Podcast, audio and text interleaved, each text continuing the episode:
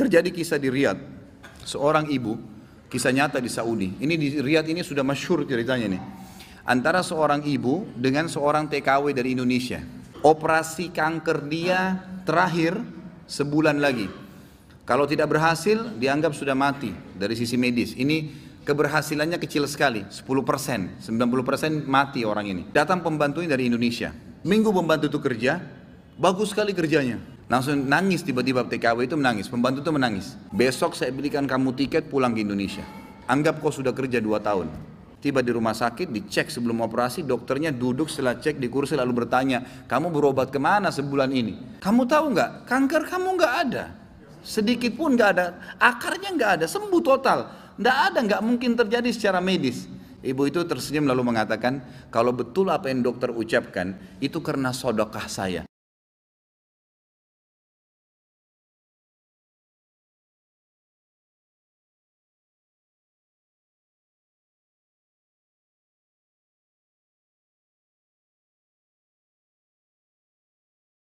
Seseorang hamba kalau membiasakan diri melakukan satu ritual ibadah, ya kita bicara masalah uluhiyah berarti keibadahan kepada Allah. Dia mengerjakan perintah atau meninggalkan larangan. Kalau dia rutinkan itu, dia jadikan sebagai daidanahnya, sebagai kebiasaannya, ya rutinitasnya, tradisinya. Setiap saat, maka di setiap substansial ibadah itu Allah akan bukakan dia pintu-pintu di situ. Sampai kadang-kadang dia bisa melakukan sebuah ibadah ya dari dari sama ya jenis ibadah sebenarnya tapi orang tidak terfikir untuk mengerjakannya. Dan ini cukup banyak contoh berhubungan dengan masalah masalah seperti ini. Dari sisi lain setiap amal soleh yang kita kerjakan itu bisa menjadi penopang dan pendukung agar ya kita tidak ditimpa apa yang atau atau Allah angkat ya masalah yang sedang kita hadapi. Saya kasih contoh. Saya nggak tahu yang lalu sudah diceritain belum tentang Sultan Murad? Sudah Semuanya belum. Ini sayap kanan, sayap kiri sama, sepakat? Belum. Sultan Murad, sultan yang masyhur ya. Beliau yang memiliki anak yang bernama Muhammad dan Muhammad bin Murad terkenal. Beliaulah yang mendapatkan uh, apa namanya nasib yang luar biasa dari Allah diberikan kepada Sultan Muhammad Murad ini karena beliau mendapatkan fadilah hadis. Nabi SAW yang berbunyi, kalian pasti akan membebaskan Konstantinopel dari kekufuran, akan masuk Islam. Maka sebaik-baik pemimpin, ya pemimpin pada saat itu, dan sebaik-baik prajurit, prajurit yang sama bersama dengan dia.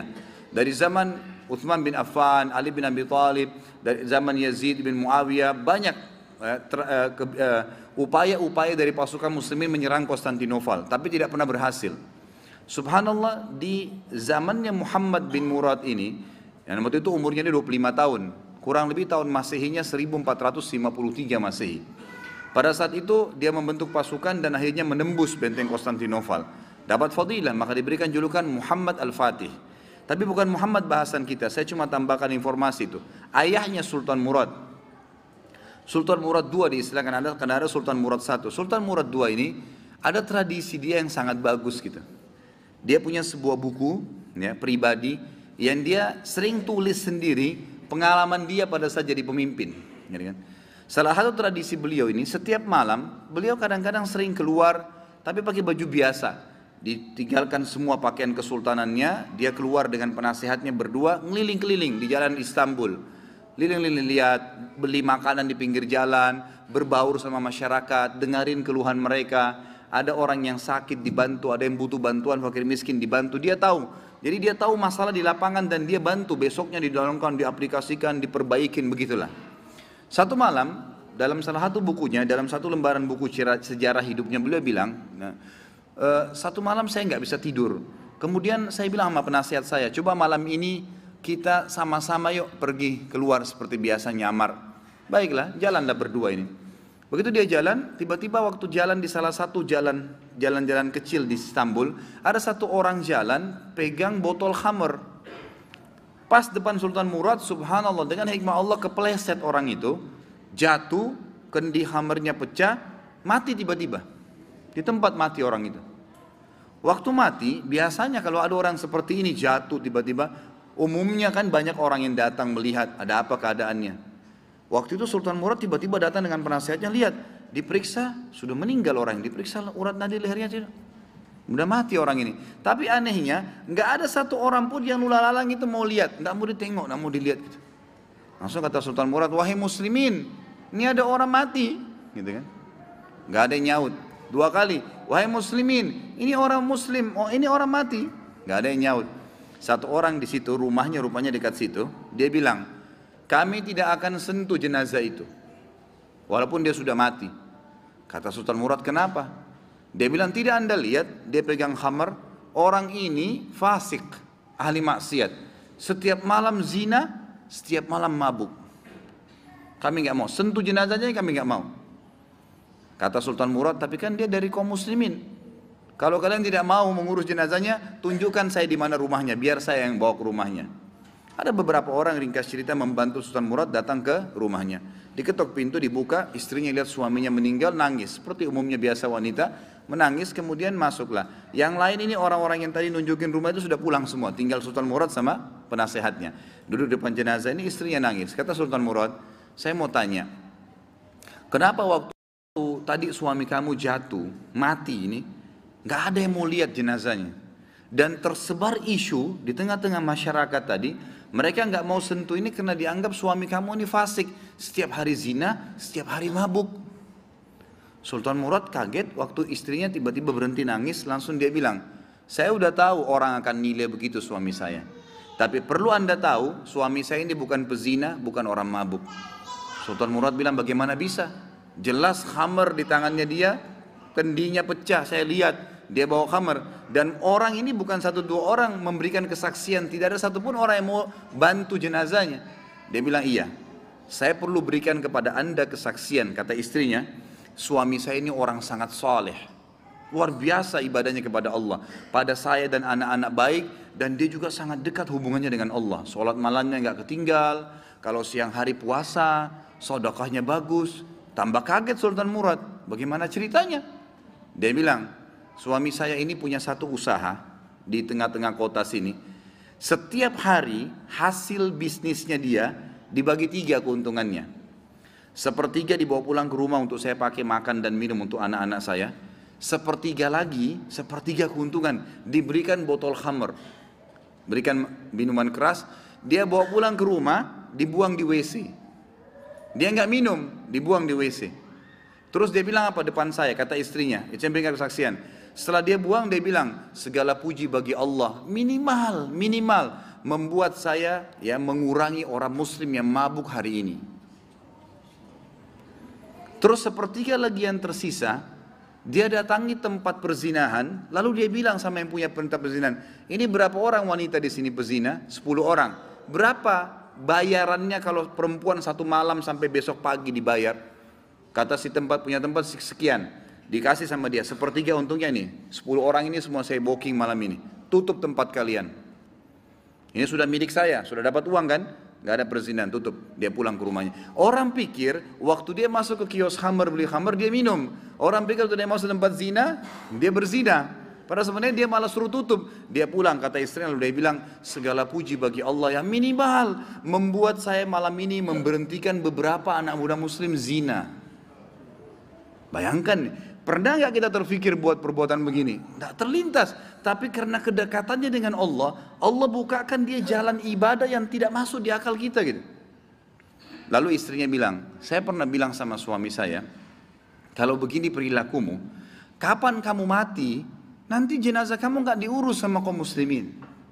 Ternyata terjadi kata istrinya, jenazahnya nggak ada yang urus.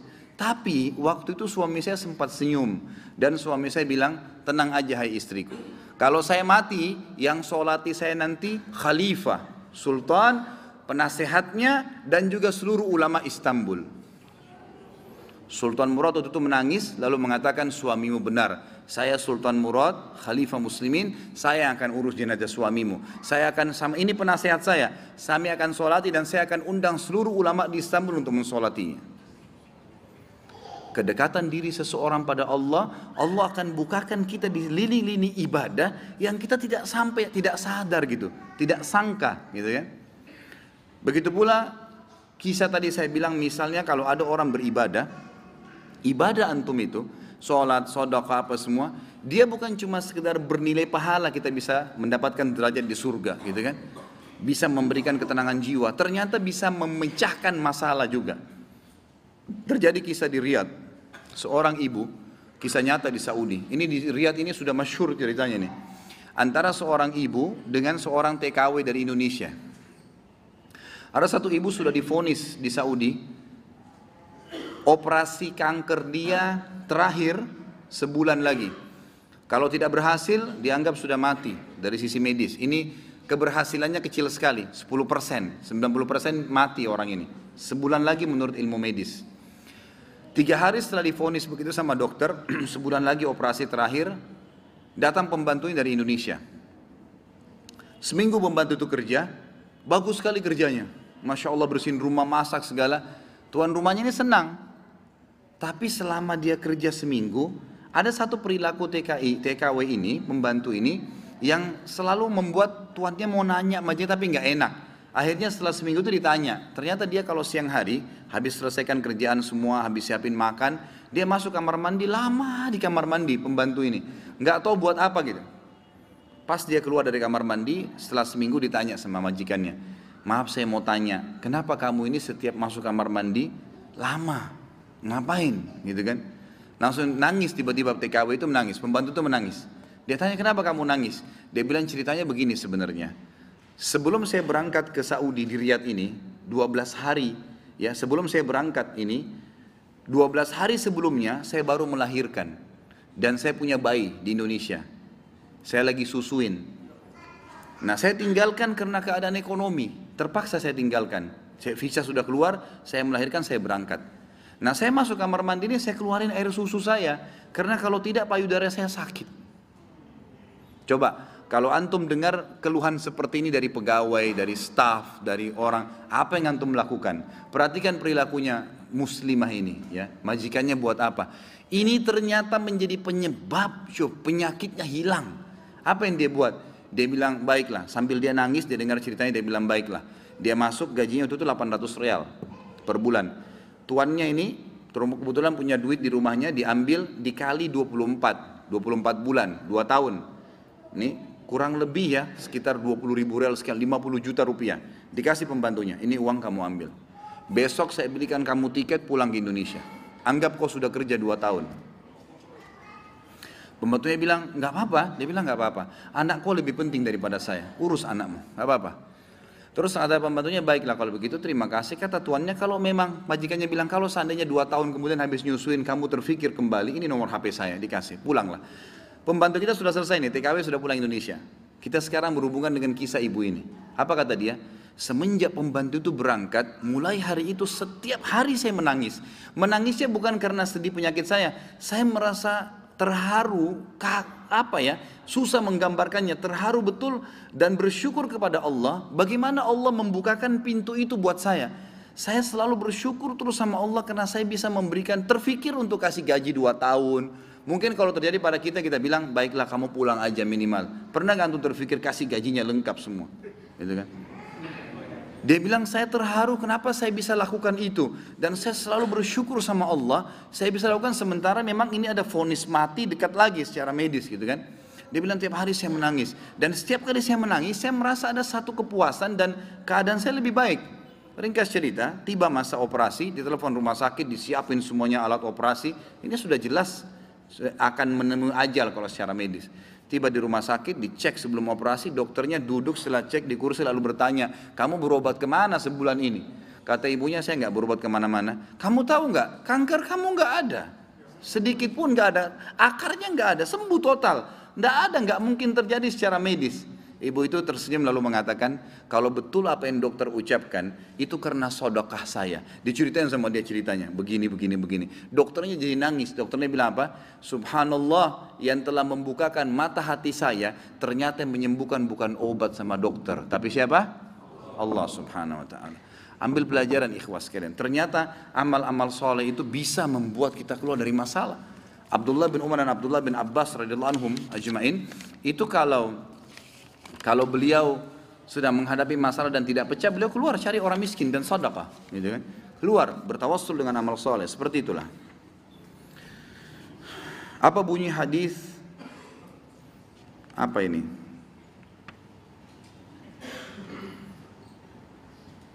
Apa ini? Akhi, kalau nulis, tulis yang betul lah ya. Hmm. Saya bingung bacanya. 99 dari 100 umat Rasulullah SAW masuk neraka. Bagaimana penjelasan dan derajatnya? Saya nggak tahu ini. Belum pernah saya temukan ada hadis begini.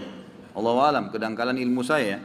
Kalau 99 umat dari 100 umat Rasulullah masuk neraka, cuma satu masuk surga ini belum pernah saya temukan. Yang ada hadis yang mirip serupa, itu adalah hadis tentang keluarnya gunung emas di sungai Purat, sungai di Turki. Itu betul, tanda-tanda hari kiamat.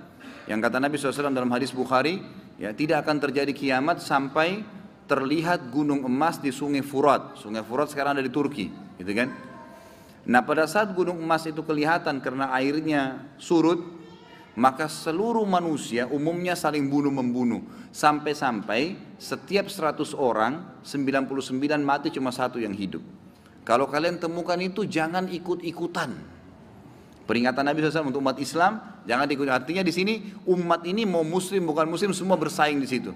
Kata para sahabat ya Rasulullah, lalu kenapa masih ada? Maksudnya masih ada dari umat Islam yang ikut kalau begitu. Kata Nabi SAW, karena dia berharap dia yang satu itu. Dia yang selamat yang satu itu. Kata Nabi SAW, waktu sudah banyak korban, memang ini hadisnya begitu. Dari 100 orang, 99 mati. Maksudnya saking banyaknya gitu kan. Maka setelah banyak korban terjadi, bunuh, emas langsung hilang pada saat itu nilainya. Sampai-sampai ada pencuri yang pernah dipotong tangannya kena curi emas lewat di gunung itu dia bilang sungguh terlaknat kamu gitu kan. Gara-gara kamu tangan saya dipotong ditinggalkan gunung emas itu. Dia nggak mau ambil gitu kan. Kalau itu ada hadisnya kalau 90% dari 100 umat ya 90% masuk neraka ini Allah alam saya nggak tahu maaf. Mungkin keterbatasan anda bisa tanya kepada ustadz lain ya bagaimana saf jamaah akhwat kalau di masjid? Bagaimana hukumnya jika saf wanita yang di sebelah pria seperti di masjid jami' terbesar di Jakarta? Kalau saf uh, akhwat kalau di masjid itu kalau mengikuti masjid Nabi Shallallahu Alaihi Wasallam itu di belakang, ya, di belakang. Banyak hadis hadis Bukhari, hadis Muslim. Dalam bab sholat menjelaskan bahwasanya para sahabat di belakang saf laki-laki. Sampai sebab disebutkannya hadis sababul urut kalau Al-Quran sebab nuzul. Hadis sebab disebutkan bahwasanya kata Nabi SAW sebaik-baik saf laki-laki yang di depan dan seburuk-buruknya yang di belakang dan sebaik-baik sab perempuan yang di belakang dan seburuk-buruk yang di depan ini karena ada sebabnya. Ada beberapa sahabiat yang sempat mengeluh kepada Nabi Wasallam karena yang berada di saf depannya perempuan itu bertemu dengan saf terakhirnya sahabat laki-laki dan zaman dulu mohon maaf orang tidak tahu pakaian dalam. Orang cuma tahu izar dan rida seperti pakai pakai ihram. Jadi kalau saf terakhir laki-laki sujud yang saf pertama perempuan ngelihat aurat gitu kan? Bisa kelihatan gitu kan? Jangan berpikiran yang tidak-tidak ya. Gak usah dibayangkan. Kita ambil pelajarannya bukan membayangkannya. Akhirnya keluhan ini sampai kepada Nabi SAW lalu keluarlah hadis Nabi SAW tadi. Sebaik-baik saf laki-laki yang di depan dan paling buruk di belakang gitu kan dan sebaik-baik perempuan yang di belakang dan seburuk-buruk yang di depan karena ada sebabnya tadi nah ini hadis ini memberikan gambaran saf perempuan ada di mana di belakang salah satunya ya dan cukup banyak berhubungan dengan hadis itu. Di antaranya hadis Bukhari juga bahwasanya pada saat uh, As bin Abi As, Abul As ya, radhiyallahu anhu waktu itu dia adalah ist, uh, suaminya Zainab. Ya, awal Nabi SAW dinobatkan jadi nabi di Mekah. Ya, Zainab menikah menikah sama Abu As dan Abu As ini atau nama yang lain sebenarnya yang tepatnya As bin Abi As. Ini dia belum masuk Islam dan dia tidak mau beriman pada Nabi SAW. Bahkan Nabi SAW waktu itu pisahkan dia dan ini dalil sahih menjelaskan tidak boleh serumah dan tidak boleh terbat, terputuskan pernikahan kalau si perempuan muslimah laki-lakinya kafir. Hadis dari sini terpisahkan Nabi SAW pisahkan Abu As bin Abi As dengan Zainab. Sampai waktu terjadi perang Badr tahun 2 Hijriah, As bin Abi As ini sempat ikut dengan pasukan musyrikin untuk memerangi kaum muslimin. Ini anak mantu Nabi SAW, gitu kan? masuk perang, ditawan, masuk dalam tawanan Badr, dikalahkan kaum musyrikin di Badr. Lalu pada saat ditawan, ternyata dia menemukan kaum muslimin akhlaknya baik, gitu kan. Dan Nabi SAW waktu itu memberikan kesempatan orang-orang Mekah untuk menebus keluarga-keluarganya gitu. Sempat As bin Abi As ini menyurat kepada Zainab. Dia tahu Zainab ada di Madinah di surat, kirim surat. Wahai Zainab, ingatlah kebaikan di antara kita. tolonglah tebus saya, karena saya tidak punya kerabat yang bisa menebus dari Mekah. Lalu Zainab pun merasa prihatin, ini juga mantan suaminya. Lalu Zainab tidak punya waktu itu harta yang cukup untuk menebus yang dianggap bernilai kecuali kalung yang pernah diberikan oleh Khadijah, ibunya radhiyallahu anhu ajmain pada saat pernikahan Zainab. Diberikanlah Disuruh antar oleh Zainab ke masjid, kasih Rasulullah SAW untuk nebus Abu As, gitu kan? Nah pada saat mau diantar, ini ceritanya mau diantar besoknya, gitu kan? Setelah uh, sholat duha, mau diantar, sholat subuhnya, kalau tidak salah begitu riwayatnya, Zainab ini sempat sholat di masjid bersama Nabi SAW dan kaum muslimin. Selesai salam, tiba-tiba Zainab dalam riwayat ini dikatakan berdiri dari saf belakang, saf belakang, saf wanita. Ini saksi bahasan ya. Jadi Zainab berdiri dari saf wanita yang ada di belakang saf laki-laki dan berkata, sungguh ya aku adalah Zainab binti Muhammad, maksudnya dia memberikan pengenalan dirinya. Saya adalah anak Rasulullah dan saya telah melindungi eh, As bin Abi As. Itu kan? Ini kan istija apa namanya? Eh, di, di, dilindungi. Jadi orang-orang muslim itu boleh memberikan suaka politik lah ya, pelindungan kepada orang kafir gitu. Maka Nabi SAW pun balik kepada para sahabat mengatakan, apakah kalian tahu ada terjadi perlindungan dari Zainab kepada Abu As atau baru kali ini? Mereka sahabat mengatakan, kami tidak tahu ya Rasulullah. Lalu Nabi SAW diam pada saat itu. Kemudian habis sholat duha diantarlah tadi tebusan Zainab, ya perhiasannya Khadijah. Waktu Nabi SAW lihat, Nabi SAW sempat menangis. Lalu mengatakan, tebuslah ya, berikanlah uh, Asim bin Abi As itu, ya berikanlah tanpa ada tebusan maksudnya kalau kalian inginkan. Karena Nabi SAW tidak tega melihat perhiasannya Khadijah yang memang wanita pertama hadir dalam hidup beliau. Tapi saksi bahasan Zainab berdiri dari saf belakang yang berada di saf belakang dari saf wanita. Itu saksi bahasan gitu kan? Jadi memang di belakang. Baik bagaimana kalau saf wanita di sebelah kaum laki-laki? Ini ulama mengatakan dibolehkan dalam satu keadaan. Disebutkan dalam hadis Bukhari kalau tidak ada tempat ya kalau nggak ada tempat betul-betul kepepet, nggak ada tempat ya. Memang kalau dibuat misal pintu masjid cuma satu ataupun bagaimanlah keadaannya ya. Memang tidak bisa eh, atau mungkin sudah terlanjur penuh masjid, susah untuk diatur, kemungkinan-kemungkinan adanya seperti itu maka dipasang hijab dan berdiri mereka di sebelah gitu kan. Ini diambil daripada pertanyaan seorang sahabat kepada Umar bin Khattab yang berkata, "Wahai Amir Mu'minin di zaman khilafahnya Umar, saya punya tempat kecil sekali, rumah saya, kecil sekali. Kalau saya sholat bersama istri saya, tidak ada jalan lain kecuali istri saya berada di sebelah saya. Nggak ada jalan lain. Kalau dia mundur sedikit, badannya keluar dari rumah saya. Kecil sekali rumahnya. Kalau dia keluar, dia mundur sedikit aja. Seperti kalau umumnya laki-laki perempuan kan ukuran satu saf ya. Kalau dia mundur begitu, dia keluar badannya dari rumah. Karena kecilnya. Nggak ada jalan lain kecuali dia harus dempet dengan saya. Maka kata Umar radhiyallahu kalau begitu keadaannya, letakkan antara kamu dengan istrimu pembatas kain. Nama istrimu pun dan biarkan dia sholat di sebelahmu. Hadis ini sahih riwayat Bukhari. Berarti di sini dibolehkan dalam keadaan tertentu tadi begitu, tapi umumnya adalah saf di belakang.